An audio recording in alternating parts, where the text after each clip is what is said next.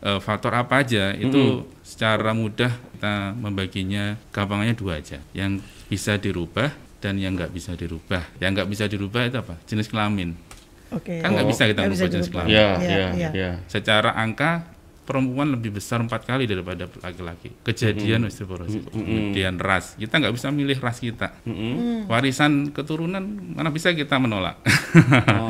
Ya itu itu satu yang nggak bisa kita rubah Bah. yang kedua adalah faktor yang bisa kita rubah nah ini yang sering disepelekan dan ini yang sering banyak menyebabkan kita eh, lupa Hmm. Ya.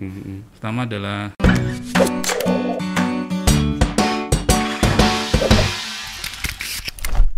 sinar matahari Hmm. Oh.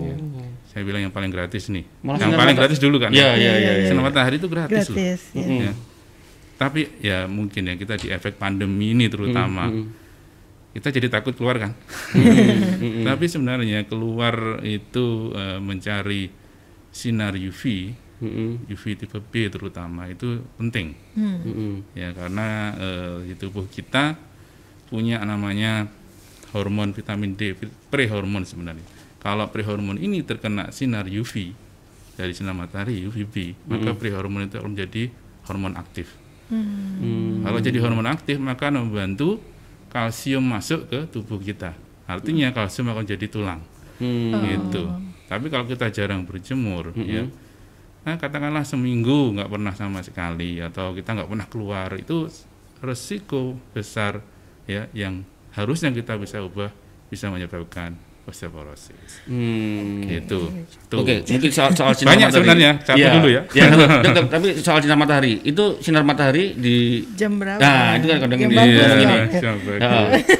Eh, jadi eh, ber- perlu kita ingat eh, sinar matahari ini memang eh, banyak perdebatan gitu ya. Ada yang bilang pagi hari, sore hari, siang hari dan sebagainya. Mm-mm. Ya, tapi eh, yang saya anjurkan dan ini banyak penelitian juga itu di tengah hari. Malah di tengah hari. Malah di tengah hari yang Jam paling 12 bagus. siang, Dok.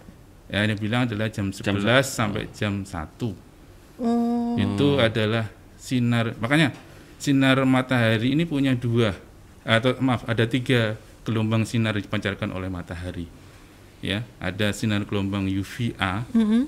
kemudian ada gelombang sinar UVB dan ada gelombang sinar UVC atau C ya Mm-mm. tapi UVC ini nggak pernah sampai ke kita Hmm. sinar UVC sudah di eh, berhenti di lapisan ozon Hmm. tapi yang dapat kita terima itu ada dua Mm-mm. ya UVA dan UVB. Nah, yang kita butuhkan untuk prehormon vitamin D ini aktif di bawah kondisi sinar matahari itu adalah sinar matahari yang UVB. Hmm. Nah, itu eh, entah kenapa dibuat Tuhan terbatas banget waktunya. Ya, jadi antara jam 11 sampai jam 1 itu sinar UVB terbanyak. Oh, oke oke. Di rentang luarnya itu semuanya UVA. Oke Nah, oke. kenapa oke. dianjurkan di itulah kita Jam ambil 11 sampai jam 1. eh, UVB ya. Hmm. Kita ambil ber- eh, berjemur di sana di jam itu gitu ya. Oke, Dok. Tadi selain Sinar matahari, yang lain apa? Masih nunggu nih. Nah, soalnya yang ini yang, yang tadi tidak kita sadari itu Iya, yang bahaya iya, gitu. Iya, itu yang gratisan ya. Ah. yang gratisan kedua adalah olahraga. Nah, ini kita diam aja nih. Kalau olahragain. Olahraga tapi harus saya kasih underscore bahwa olahraganya harus rutin. Ya, yang jadi masalah olahraga seminggu sekali, ya kan? Sebulan sekali, setahun sekali. Nah, itu bukan olahraga menurut saya. Ya, jadi olahraga yang rutin. Nah, rutin itu minimal yang dianjurkan adalah tiga kali dalam satu minggu. Tiga kali. Itu minimal. Itu minimal. Ya, itu minimal olahraga rutin. Jadi eh, jadi kalau kita berolahraga, saya tidak akan membahas harus dengan fasilitas apa. Lakukan olahraga yang anda bisa, yang bisa dikerjakan di rumah, work from home atau di office misalnya, atau mungkin saat berjalan ke office usahakan semuanya tidak pakai fasilitas teknologi, gitu ya. Hmm. Mau berangkat naik motor kan udah diem, Hmm. mau ke sini naik eskalator diem. Dia- Hmm. Semua nggak ada gerak dong. Jadi Iya, iya. usahain kita harus ada gerak olahraga di saat eh, aktivitas kita sehari-hari gitu ya. Nah, itu memang penting olahraga rutin untuk mencegah. Karena apa? Olahraga meningkatkan kualitas ulang kita. Oh, Gitu. oke, catat Oke. nih. Betul, betul, betul. Olahraga kita besok. Iya, iya, iya. Tapi rutin. Iya, iya, iya, iya. Selain olahraga, Dok, apalagi ini? Olahraga. Oke, itu yang yang yang gampang gratisnya. Kemudian eh, diet. Ya. Kalau udah makan makanan diet ya mungkin nggak terlalu gratis ya. Mm-mm. Kita karena kita harus melakukan pemenuhan kebutuhan Iya, diet iya, kita. Mm-mm. Nah, di Indonesia pernah diteliti bahwa diet kita tuh sangat kurang terutama vitamin eh, yang berhubungan dengan vitamin dan mineral. Ya. Vitamin D-nya kurang ya kandungannya maksudnya. Kemudian kalsium yang ada di makanan kita juga kurang. Kurang. Hmm. Problemnya itu. Iya, kita kita fokusnya ke karbohidrat aja. Karbohidrat. iya, fokus karbohidrat kan. Iya. Ya, tapi kan itu nggak sehat kalau fokusnya hanya di Iya. karbohidrat. Iya, iya, salah ya. Iya. Fokusnya malah nggak bener ya. Iya. Selain itu dok, udah. Nah, Masih selain banyak. itu masih banyak lagi. selain pemenuhan kebutuhan diet ya yang bisa kita rubah yaitu adalah eh, apa namanya? posisi ya, posisi saat kita beraktivitas. Ya. Hmm. Maksudnya posisi beraktivitas itu saat kita misalnya melakukan aktivitas yang eh, ringan-ringan saja atau melakukan akti- aktivitas yang pembebanan itu berbeda kualitas tulangnya. Hmm. Jadi kalau misalnya kita melakukan ini ada hubungannya dengan olahraga tadi ya. Mm-mm. Olahraga yang kita tambahin dengan eh, aktivitas beban itu lebih memperkuat Tulang. kuantitas tulang kita daripada eh, tanpa Oh. beban sama sekali. Jadi jangan kebanyakan duduk. Kalau kamu kebanyakan duduk, kamu Iya. bentar 30 menit kamu nyapu-nyapu nih kantor. Oh iya iya iya. ya itu kira-kira yang bisa kita cegah ya Ngangkat yang galon. gratis ada Ah, Iya. bantuin ngangkat galon tuh gantiin air galon. Iya, kayak gitu ya. Berarti harus dibebanin ya Iya, tulangnya. benar. Oke, berarti Tuh. eh, banyak sih. Iya. Kayaknya kayaknya banyak ini. Iya. Tapi mung- mungkin itu itu itu dulu deh. Itu Iya, selesaikan dulu iya. kita Iya, selesaikan banyak itu. ya. Iya, Iya. Itu eh, itu bisa kita penuhin praktis aman ya, Dok ya. ya tapi Olahraga tadi sinar Ah. matahari, ka- makan. sebaiknya gini eh, pemenuhan itu sebaiknya adalah kita tanam dari mulai sejak dini Iya, iya. Ya, yang jadi masalah adalah pemenuhan kita lakukan di mana eh, proses penyerapan Mm-mm. ya sama kemampuan eh, usus kita itu udah mulai berkurang. Itu jadi problem. Oh, Ya, jadi yang dulunya nggak pernah begitu begitu itu kemudian ya tetap harus dilakukan sih. Iya, begitu udah usia tua dia berusaha untuk itu. Jadi lain ya. Mm-mm. Makanya nanti saya juga bilang bahwa menabung tulang itu sangat penting. hmm. Wah, apalagi Jadi menabung menabung tulang. bukan duit aja Iya, tapi iya, tulang juga iya. ditabung ya. Iya. Oke, berarti tadi soal Faktor. faktor-faktor apa yang beresiko itu yang eh, soal gen ya. Gen. Tidak Gen, bisa keturunan. dan bisa dirubah. Oh Nah, iya. bisa Berarti dirubah. kalau misalnya sudah ada keturunan, otomatis apakah dia langsung eh, eh, penyakit itu atau memang berisiko lebih besar. Berisiko lebih besar. Artinya belum Oh, belum tentu. 100% mungkin tidak, ya, tapi artinya bisa lebih dari situ. Bisa lebih daripada orang yang tanpa eh, kelainan. Iya. gitu. Jadi peluang osteoporosisnya jadi besar Lebih nih. besar, Jadi ya. kalau tahu ketu- keturunan kita ada ini, ya udah tadi mungkin dok- dokter bilang tadi kita berarti harus lebih sering dibanding yang lain. Sering apa berjemur? jemur Ya, sering dan olahraga? Lebih sering olahraga. Lebih sering untuk mencek awal. Ya, Ya, paling karena kan dia gitu. silent tuh, dia kan kita Iya, bahas iya. ya, silent disease ya. Hmm. Tapi kalau udah uh, keturunan dia nggak perlu tunggu 30 baru dia cek. Tapi misalnya di umur 20 dia udah Oh, cek. boleh. saja ya. Ngecek sebenarnya nggak apa-apa ya, tapi Hmm. recommended-nya adalah di usia eh, 30 35 tahun. Hmm. 30 35. Itu Apalagi recommended. kalau di atas 40 lebih sering tuh. Ya. Enam tahun lah sekalian deh. Iya. Bener ya. Iya iya iya iya. iya. Dok katanya juga yang ibu-ibu menyusui juga rentan. Iya benar, sangat rentan. Karena kan kendaraannya dua. Hmm. Iya, yang di yang dibawa dua itu. Iya, iya. Ya, kita yang satu aja ya misalnya eh, apa namanya eh, posisi diet kita kurang, olahraga kita nggak pernah te- tiduran aja kerja yang main game Mm-mm. apa online itu tiap hari. ya kan anak-anak sekarang kan ya mohon maaf ya. Iya, iya benar. Saya sebenarnya bukan melarang e-game dan sebagainya, tapi kita harus porsinya bi- bicaranya seimbang. Hmm. Ya, jadi kalau memang ada waktu untuk itu, berikan waktu juga dong untuk eh, apa namanya keluar aktivitas eh, menggerakkan badan. Karena yang diem seperti itu salah satu faktor resiko terjadinya osteoporosis gitu. Ya. Iya.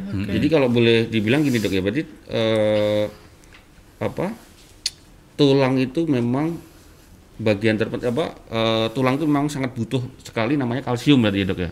karena memang unsur, pembentukan tulang eh, 90% adalah kalsium. Oh, Oke, terus kalau sering dengar istilahnya eh, kadang oh jangan makan ini, itu akan mengganggu penyerapan kalsium.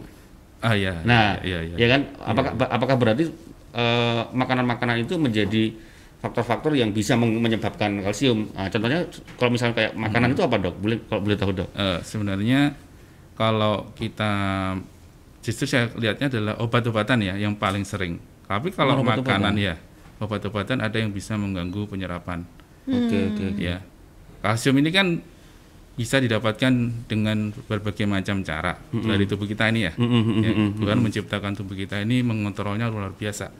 Ya, tanpa kita suruh aja buat kalsium, udah buat sendiri. Iya. Iya kan? Termasuk tadi dibantu sinar matahari, Sinar matahari, iya, ya. hormon tadi. ya. Kita nggak usah sambil kita main game buat sendiri dia. Ya, jadi namanya ada autoregulatornya gitu. Jadi begitu kalsium dalam darah turun, hormon keluar untuk menaikkan kalsium dalam darah, sehingga bisa di- salah satunya bisa untuk mencegah terjadi osteoporosis. Nah, obat-obatan ada yang dia bisa mencegah penyerapan kalsium, ya. Hmm. Itu banyak, itu banyak. Salah satunya ya ada obat darah tinggi. Ya, Oke. itu ada satu golongan obat darah tinggi kalau kita konsumsi ya itu bisa menyebabkan penggangguan eh, kalau kita makan kalsium dalam diet kita ataupun betul, kalau betul, kita betul. makan suplemen kalsium. Ya, kalau untuk eh, eh, apa namanya eh, makanan yang sifatnya organik ataupun nabati ataupun hewani itu eh, asal apa namanya tidak gini, kalau yang nabati atau hewani itu tidak ada makanan yang langsung mengganggu penyerapan ya terhadap kalsium itu sendiri ya. Hmm, hmm, hmm, hmm. Kecuali kecuali memang ya kecuali kalau misalnya eh, makanan tadi mengganggu proses atau fungsi dari usus. Ya. Hmm. Tapi kayak bayam itu kan dia mengandung senyawa apa oksalat katanya dok. Iya. Gitu. Nah itu memang gimana tuh dok?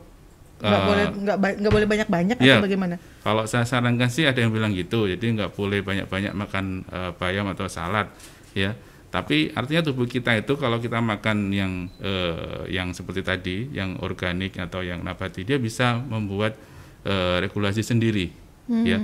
Jadi kalau kita makan bayam terlalu banyak, kita nggak usah takut nanti kita akan kekurangan kalsium juga, gitu, ya. Karena kita juga butuh bayam kan, karena di sana juga ada vitamin-vitamin mineral yang lain selain kalsium yang kita butuhkan. Oh, gitu. berarti berarti pertanyaan Nita tadi berarti bayam tidak tidak menyebabkan Iya. Tidak menyebabkan langsung eh, gangguan penyerapan kalsium. Oh, kalau aku makan bayam larinya itu asam urat. nah, ini asam urat atau sakit tulang nih kan? Enggak, ada yang kayak gitu, bukan aku, bukan aku, ada yang kayak gitu. gitu. Cuma kadang-kadang ngalunya oh ini mau perlu dipastiin tuh asam urat atau, atau Beda lagi, beda lagi. Iya, iya, iya, iya. Tapi mungkin bisa di ini, maksudnya dok eh, makanan atau minuman atau asupan apa yang harus kita makan untuk eh, Iya, jadi kalsium nih? salah satu faktor yang saya belum sebutkan tadi rokok itu juga mengganggu, ya, Hmm. ya mengganggu kalsium. Betul betul. Apa? Nggak Iya ada- itu banyak di sini. Banyak ada kan? Oh. Nggak ada, ya. Bukan rokok, ya maksudnya rokoknya tapi yang kita hisap ya. Kalau rokok ditaruh gitu aja nggak akan apa. Oh, yang pasif enggak ya? Yang pasif ya. Jadi rokok, kemudian alkohol. Alkohol itu juga bisa mengganggu penyerapan kalsium. Oh, Ya. Oke. Kemudian Alkohol. kopi yang Ah, suka betul kopi. tuh. Itu kan satu sejoli tuh rokok sama kopi. ya. Itu mengganggu, Dok. Iya. Tolong Iya, catat mengganggu. nih. Mungkin berlebihan, mungkin kalau berlebihan. Kalau satu cangkir masih boleh dok. Iya. Coba boleh lah satu cangkir. gitu ya. Kopi ya. Ya, kopi. Terus kemudian soda. Ya, Oh, soda, itu soda. juga tidak bagus, ya. Tidak Oke. bagus. eh, ada yang bilang dia mengganggu juga pembentukan tulang gitu kan. Mm-hmm. Tapi lebih banyak ke proses penyerapannya. Jadi lebih mengganggu penyerapan dari kalsium.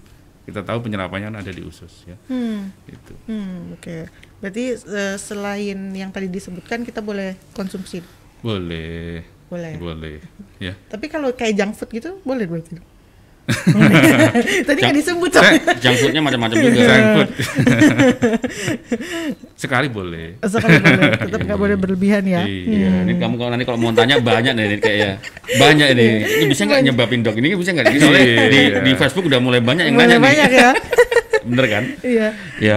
Oke. Tapi kalau osteoporosis memang bisa disembuhkan maksudnya gitu, Dok. Osteoporosis bisa kita cegah, ya gitu.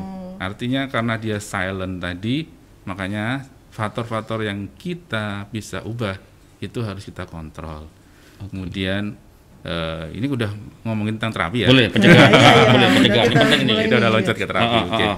Jadi caranya salah satu ya kita mengontrol faktor-faktor yang kita bisa cegah tadi atau bisa ketubah ya. Biasakan untuk eh, sedini mungkin dari mulai anak-anak ya berjemur dan berolahraga yang rutin. Karena kita butuh menabung tulang yang saya bilang tadi. Iya, iya. Oh, kita menabung ada tulang eh, Tuhan tuh menciptakan kita bukan tinggi terus terus sampai ke langit ya. Iya. Ya kita enggak Iya, iya, manusia iya, yang iya. model seperti itu. Jadi Makanya kita tadi kan gini ya, siklusnya Iya, gini. Iya. kan. iya, iya. ada waktunya Kalau gini terus bahaya. Nah, tinggi banget. bahaya, bahaya juga kan. Iya, iya. Begini Iya, terus iya. juga bahaya, Iya. begitu terus bahaya. Iya, Nah, iya. yang yang Benar, gini yang benar, enak. Iya, iya. ya. Jadi manfaatkan waktu ya yang yang saya bilang manfaatkan waktu dari mulai kita dini, Mm-mm. mulai janin juga. Makanya sebenarnya osteoporosis ini eh, apa namanya? Eh, lingkupnya itu sampai ke sebelum nikah harusnya. Hmm. Sebelum nikah, kemudian nikah dalam kandungan, lahir itu sudah teredukasi. Oke. ya. Sehingga begitu bayi itu lahir sampai menuju ke puncaknya. Oke. Yang kisaran tadi umur 30 35 kan? Itu kita bisa punya tabungan banyak ini. Nah yang kayak tadi kita kontrol faktor yang bisa kita ubah biasain anak kita berjemur Olahraga. olahraga main-main itu kan olahraga untuk anak kecil Iya, iya. ya tapi begitu dia dewasa kita arahkan apa olahraga yang kamu suka gitu ya olahraga hindarin gaya hidup yang tidak baik Hmm. ya Merokok tadi juga. merokok eh, begadang Ngopi berlebihan. ngopi berlebihan Alkohol. tidur tiduran Oh, di- mager itu nggak boleh. ya? mageran terus Oh iya, terusan iya, tidur-tiduran. ya, Iya. itu ya itu itu harus kita kontrol. Oke. baru nanti eh, apa namanya setelah kita lewat masa puncak kita udah punya ini cadangan banyak tulang. Ya. Hmm. jadi begitu sudah lewat yang alamiahnya dia turun kita nggak terlalu merasakan atau kita nggak mengalami osteoporosis dini. Hmm. itu Berarti jadi kekurangan. Iya. Jadi eh, penyembuhannya seperti itu ya. Tapi begitu dia udah misalnya pertanyaan itu patah tulang dan osteoporosis bisa nggak disembuhkan? Ya penyembuhannya dengan operasi. Artinya bukan eh, bukan lagi dengan suplemen-suplemen tadi ya. Itu juga tetap diperlukan tapi kita harus benerin patah tulangnya kan udah terjadi itu patah Iya, iya. opsinya patah opsinya Nah. operasi tetap ya. Operasi. Iya, ada operasi, ada opsi operasi di situ. Gitu. Tapi ketika dia udah patah tulang, dia dioperasi. Kemudian apakah masih bisa disembuhkan yang dia supaya tulangnya tidak eh, rapuh? Rapuh, gitu. Ah. dikuatkan lagi gitu Iya, maksudnya. dikuatkan lagi. Jadi tergantung tabungan dia. Oh, tergantung lagi. tergantung tabungan dia. Jadi em, edukasinya kalau misalnya sudah terjadi osteoporosis, ya, yang tadi tetap kita kontrol faktor yang bisa kita rubah. Tapi bedanya adalah eh, kalau kita ngomong tentang vitamin D-nya anak muda dengan orang yang tua, itu sangat jauh berbeda. Itu bisa sampai empat kali faktornya. Artinya kalau anak muda yang berjemur cuma lima menit, itu vitamin D yang bisa dibentuk banyak Hmm. daripada orang tua yang berjemur sampai 15 menit itu belum tentu menyamai lima menitnya anak muda yang berjemur tadi Oh. gitu jadi usia aging dan sebagainya itu penurunnya banyak di mana-mana. Ya. Gitu. jadi kenapa eh, kalau usia sudah tua selain kita mencegah faktor tadi yang bisa kita rubah bisa harusnya dikasih suplemen. Jadi anjurannya adalah orang yang sudah mengalami osteoporosis kasih suplemen Suplemen. kalsium baik vitamin D Oh. kalau anak muda tadi cukup berjemur aja udah cukup Iya, jadi Itu ya. kalau yang Itu. tadi kalau yang anggap aja yang umur 35 atau Ya. pastiin di- dicek Cek. Yes. baru ya baru kita uh, maintainnya apa suplemen ya, atau apa gitu. pengobatannya dengan Udah tadi, kalau untuk dibilang mau nabung lagi udah nggak sempat lagi dok bisa ya. Ya ya. sempat Iya, tapi sempat tapi tapi- ininya beda ya. tetap saya anjurkan tapi ya memang beda kualitas Beda. sama waktu yang bisa dicapai Gitu. Jadi kalau nabung jangan nunggu tua. iya Kan gitu kan tadi dok ya. iya itu Iya, jadi kalau, na- gitu. kalau masih umur 20-an ya sekarang banyak-banyak berjemur. lah. Berjemur Iya. ya. di tengah hari jam Iya. 11 sampai jam Iya. 1. Iya. Dok terus kalau kalau tadi saya sempat nanya soal eh, unsur di tulang itu kan kalsium. Ya, berarti eh, kalau tadi mungkin sekarang ada banyak suplemen ya. Iya. Ya, jadi kalau kalau makanan-makanan sehari-hari yang yang untuk mencukupi kebutuhan kalsium yang dari asupan itu apa aja? Contohnya Iya. makanan-makanan apa aja? baik. Dok. Eh, titik poinnya adalah menabung tulang ya. Jadi tetap titik poinnya di tadi Menabung semakin tulang. dini menabung semakin bagus nanti di hari tuanya. Nah, nanti kalau tapi kalau sudah misalnya eh, kejadian osteoporosis kita deteksi apalagi sudah mengeluh keluhan suplemen itu eh, terutama kalsium kalau kita dapatkan kalau dia su- mas usianya udah tua maka kita kasih suplemen vitamin D dan kalsium dalam bentuk obat gitu. Kemudian dalam bentuk dia makanan kita bisa dapatkan paling sering itu di ikan. Kayak sumber Ikan ya? kalsium ya. Oke. Kalsium dan vitamin D. Itu ikan. Ikan ikannya lebih bagus yang ikan eh, dari laut-lautan. Ya, Oh. mulai dari salmon apalah di Kepri ini kan Iya, iya. produk Oh, iya. Salmon di sini juga banyak. ya. Iya. Iya, itu kaya Iya iya iya. iya. kandungan vitamin D dan kandungan eh, kalsiumnya tinggi. Oh, oke. Kemudian yang nomor duanya adalah susu. Oh, nomor dua malah susu ya. Susu ya, susu dengan semua produk olahan susu ya, Keju ya. keju dan semuanya itu Oh, Oke. kandungan kalsiumnya juga tinggi. Hmm. Daging tuh justru malah yang rendah sekali. Daging. Oh, oke. Ya, daging yang yang orang suka makan ya, daging itu sebenarnya kalsiumnya rendah. kayak gitu. Iya. Jadi kamu kan tadi kalau mau pesan junk food, burger itu tambahin keju nih. Tambahin. jangan, jangan jangan burger yang Gitu ya. ngandalin Iya. daging. Jadi seimbang ya. bisa ya? Bisa, Iya bisa. benar. ada Boleh kan gitu kan? boleh, boleh. Iya maksudnya Ini ini kasih, soal, soal kasih kecap juga boleh. kalau nggak pesan burger tambahin daging ikan. Daging ikan. Oh, Feel office, feel office di Mac. Nah. Berarti Iya, iya. susu boleh ya susu. Boleh, Tapi yang banyak kalsiumnya. Hmm. Ya, ini saya aja yang nanya dok. Dok, apa, eh, apa, apakah orang yang kelebihan berat badan itu itu menjadi salah satu penyebab juga osteoporosis? Dengar-dengar gitu. Makanya saya nanya gitu. Saya Iya. Ini nggak menyinggung siapa-siapa. Enggak, enggak, enggak, dok, enggak, dok. Ini menyinggung diri saya sendiri. saya juga kelebihan juga. Iya iya. Nah, jadi ada yang bilang eh, apa namanya orang yang malah kurus sebenarnya yang osteoporosis itu. Wah, catat tuh ya. ya. Enggak. Yang kurus enggak? iya. Jadi lebih beresiko orang yang kurus ya orang yang kecil yang kurang diet gizi sebenarnya yang lebih ke arah osteoporosis.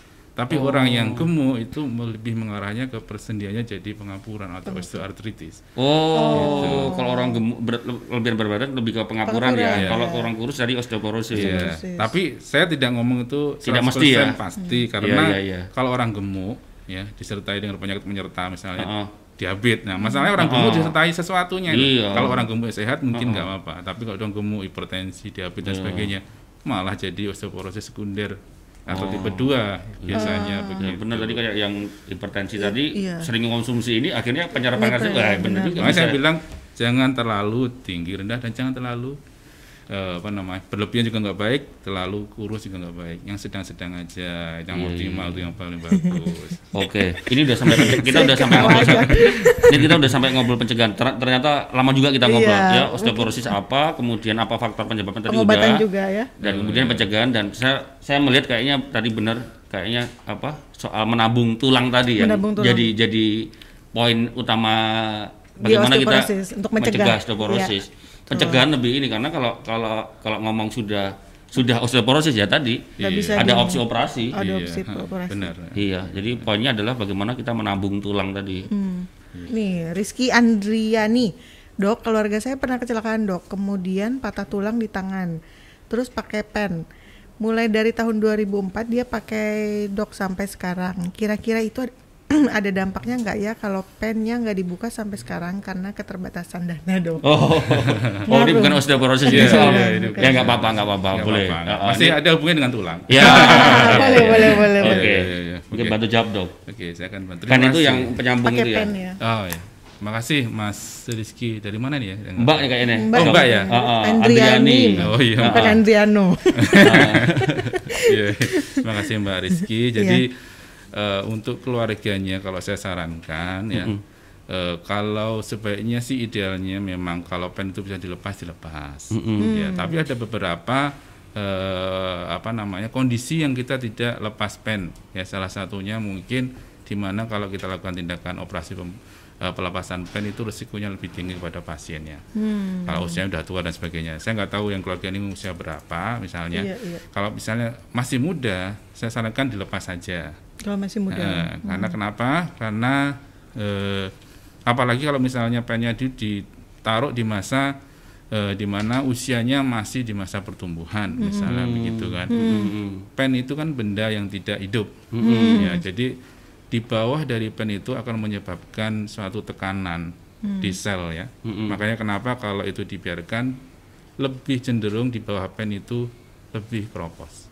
Oh. ya itu itu kalau kita kait-kaitkan begitu Iya, ya. iya, iya, iya, Ya, tapi kalau misalnya yang terjadi di usia yang mungkin sudah sepuh atau ini ya yang mungkin eh, apa namanya di, dilakukan penundaan itu mungkin ya juga bisa jadi pertimbangan gitu. Makanya lebih baik sih kontrol aja ke dokternya gitu Oh. Iya, iya, karena ada ada resiko-resiko juga, apalagi yang udah berumur ya dok Iya, ya. iya, Iya, itu yang perlu dipastiin. Jadi Iya. kontrol deh, lebih baik kontrol ke dokter ya. Iya.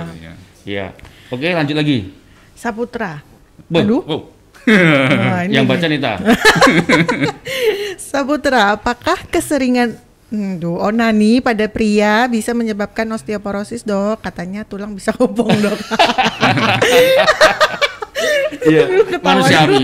Enggak, ini manusiawi. Ini sering jadi perbincangan di warung kopi dan di, yang di mana aja. Iya benar-benar itu yang dengkulnya suka diketok-ketok. Iya, iya. Mo mohon maaf ya kita di Facebook nggak boleh nggak boleh disensor, tapi ini kayaknya manusiawi masih. Dokter boleh jawab dok, gimana dok? Apakah keseringan onani pada pria bisa menyebabkan osteoporosis dok? Iya. Nah. Eh, sebenarnya saya bukan ahlinya onani. Jadi Iya, kita Mungkin- tahu lah dokter. dokter ahlinya tulang lah. Tapi apakah itu bisa jadi penyebab juga? Iya benar. mungkin maksudnya pertanyaannya mungkin nanya ya bukan Iya. saya onani gitu bukan ya bukan ya mohon Iya. maaf ya Mas Ini Putra ya ini sering.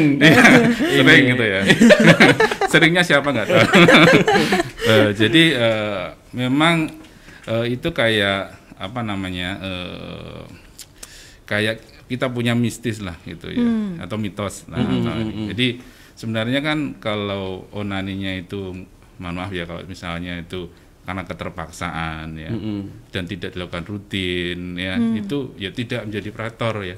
Jadi faktor resiko jadi osteoporosis gitu ya. Apalagi dilakukannya pada usia masih Muda. eh, muda. Kan saya bilang tadi masa puncak tulang itu akan berada di Mm-mm. usia. Yang jadi masalah kalau dia sedang onani di usia 50 tahun. Gitu makanya nggak tahu nih usia berapa gitu. Ta- Tapi memang memang katanya bisa dok. Memang itu bisa menyebabkan ini. Kalau misalkan anggap aja dia sering gitu. Iya.